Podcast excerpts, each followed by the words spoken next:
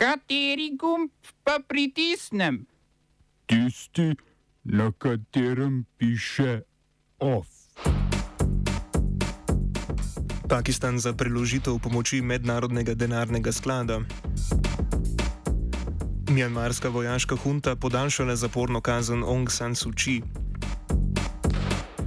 V venezuelski regiji Barinas je na volitvah slavila opozicija. Sodišče fondove vrtove dodelilo stanovalcem. V kulturnih novicah rezultati programskega razpisa Ministrstva za kulturo.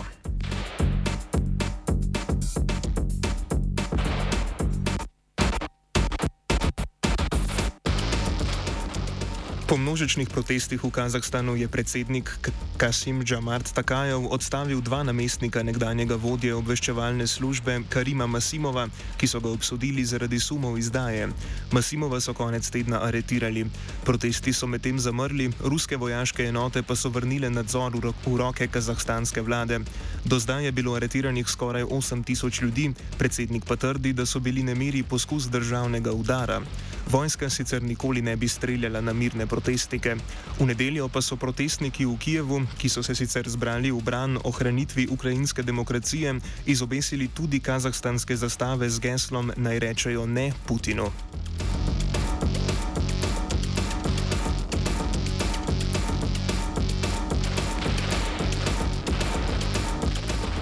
Pakistanska vlada se je z odborom Mednarodnega denarnega sklada sporazumela o preložitvi dogovorov o reviziji 6 milijard evrov vrednega finančnega paketa, ki ga je država sprejela julija 2019.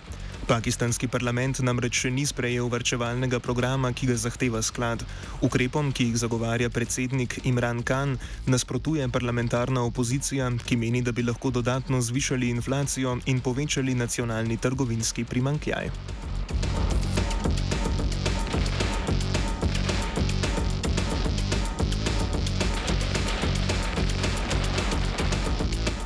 Izplačevanje paketa se je ustavilo na začetku tega leta, saj država ni izpolnjevala potrebnih pogojev.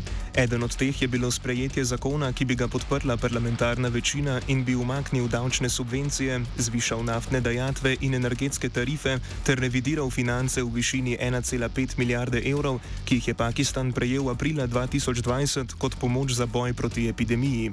Državna banka je sicer opozorila, da bi takšno povečanje proračunskega primankljaja lahko še poslabšalo inflacijo, s tem pa tudi finančno okrevanje.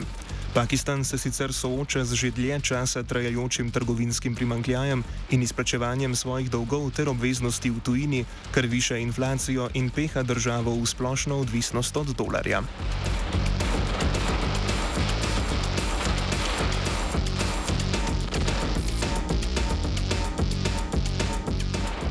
Sodišče pod oblastjo vojaške hunte v Mjanmaru je izgnano voditeljico Aung San Suu Kyi obsodilo na dodatna štiri leta zapora, saj so jo spoznali za krivo spodbujanja nemirov in kršenja koronavirusne zakonodaje.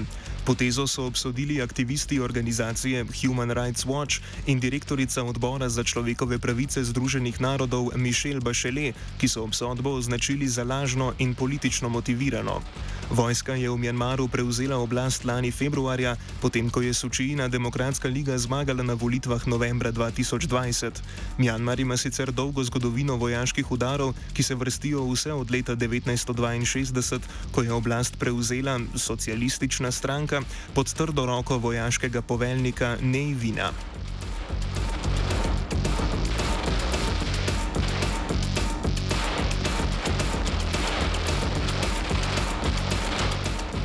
Ker je začasna vojaška vlada v Maliju predstavila državne volitve na leto 2025, je državi ekonomska skupnost zahodnoafriških držav kot sankcije določila zaprtje kopenskih in zračnih meja, zamrznila njeno premoženje in suspendirala vse nenujne finančne transakcije. V odgovor je Mali iz sosednjih držav, ki so del skupnosti, umaknil svoje veleposlanike in diplomate ter sankcije označil za nelegitimne. Državo od vojaškega udara avgusta 2020 vodi polkovnik Asimi Goita, ki je v strahu pred sankcijami razpisal volitve že februarja lani, a je po treh mesecih z oblasti izrinil začasno izvoljeno vlado. Malijsko glavno mesto Bamako je ekonomsko skupnost zahodnoafriških držav obsodilo, da deluje v interesu zunaj regionalnih sil, kot je Francija.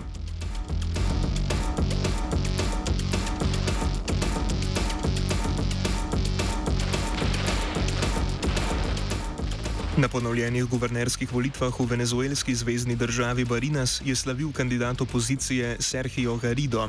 Premagal je kandidata vladajoče Združene socialistične stranke in nekdanjega podpredsednika države Jorgeja Areaza. Barinas je zvezdna država, iz katere prihaja nekdani venezuelski predsednik Hugo Chavez. Chavezovi oče in bratje so v preteklosti večkrat kandidirali in zmagali na guvernerskih volitvah in tudi tokratni kandidat vladajoče stranke je bil njegov zet. Volitve bi morale potekati že novembra, tako kot v drugih delih države, a je v Barinasu okrožno sodišče volitve razveljavilo. Oba, če, če bom odgovoril na angliški. Slovenija bo poskušala pomagati. Slovenija bo naredila svoj utmost, da bo rekla, da je situacija naš problem, sami. In da bomo naredili nadaljnje korake, as soon as the conditions are. Bomo vlado Marjana Cererera Šarca podprli. Very, very serious. From Slovenija. We know how and we will. Ljubljansko okrožno sodišče je v postopku ugotovitve skupnega pripadajočega zemljišča v okolici Plečnikovega stadiona, ki so ga prebivalci naselja Fond sprožili leta 2009, zemljišče dodelilo naselju. S projektom Bežigrajski športni park, ki ga je načrtoval poslovne žioc Pečečnik skupaj z mestno občino Ljubljana, bi na tem območju pod taktirko berlinskega biroja GMP zrasli hotel, športna klinika in trgovina ter šestnadstropna podzemna parkirna hiša. Marca lani je Ministrstvo za okolje in prostor zavrnilo izdajo gradbenega dovoljenja za projekt na območju Plečnikovega stadiona, a je nekdani minister za okolje in prostor Jure Leben uložil pritožbo na upravno sodišče glede odločitv ministrstva v integralnem postopku. V imenu koordinacijskega odbora stanovalcev fondovih hiš je odločitev Ljubljanskega okrožnega sodišča pozdravila Karmen Stariha, ki meni, da fondovi vrtovi predstavljajo posebno krajinsko arhitekturno dediščino Ljubljane in Slovenije.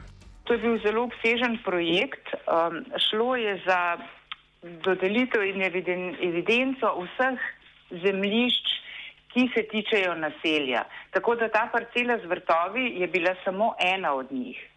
No, uh, odločitev smo tudi pričakovali no, in upali na njo, glede na to, da, je, da sta dva izvedenca v teku postopka prišla do iste ugotovitve kot zdaj sodišče in sicer, da ta parcela 312 nesporno sodi k naselju. V Izoli so na referendumu zavrnili občinski prostorski načrt, ki ga je občina sprejela julija. Po neuradnih rezultatih je glasovalo proti kar 72 odstotkov voljivcev. Pobudo za referendum je dala civilna inicijativa Gibanje za Izolo, v kateri so menili, da gre za pretirano pozidavo mesta. Načrt naj bi namreč predvideval gradnjo na ozemljih kmetov. Prav tako volilni komisiji očitajo pristranskost, saj naj bi onemogočala udeležbo na sestanku zaupniki za nadzor poteka glasovanja. Na občini pa pojasnjujejo, da je na sestanku potekalo uvajanje predsednikov in namestnikov volilnih odborov, ki so referendum kasneje tudi izvedli. Zato udeležba drugih ni bila zaželena. V kampanjo se je kot zagovornica prostorskega načrta vključila tudi civilna inicijativa Skupaj za Izolo. Po njihovo bi nova gradnja prinesla več garaž in stanovanj, kar pa bi koristilo Izoli. OF so pripravili Lucija, Gal in Matej.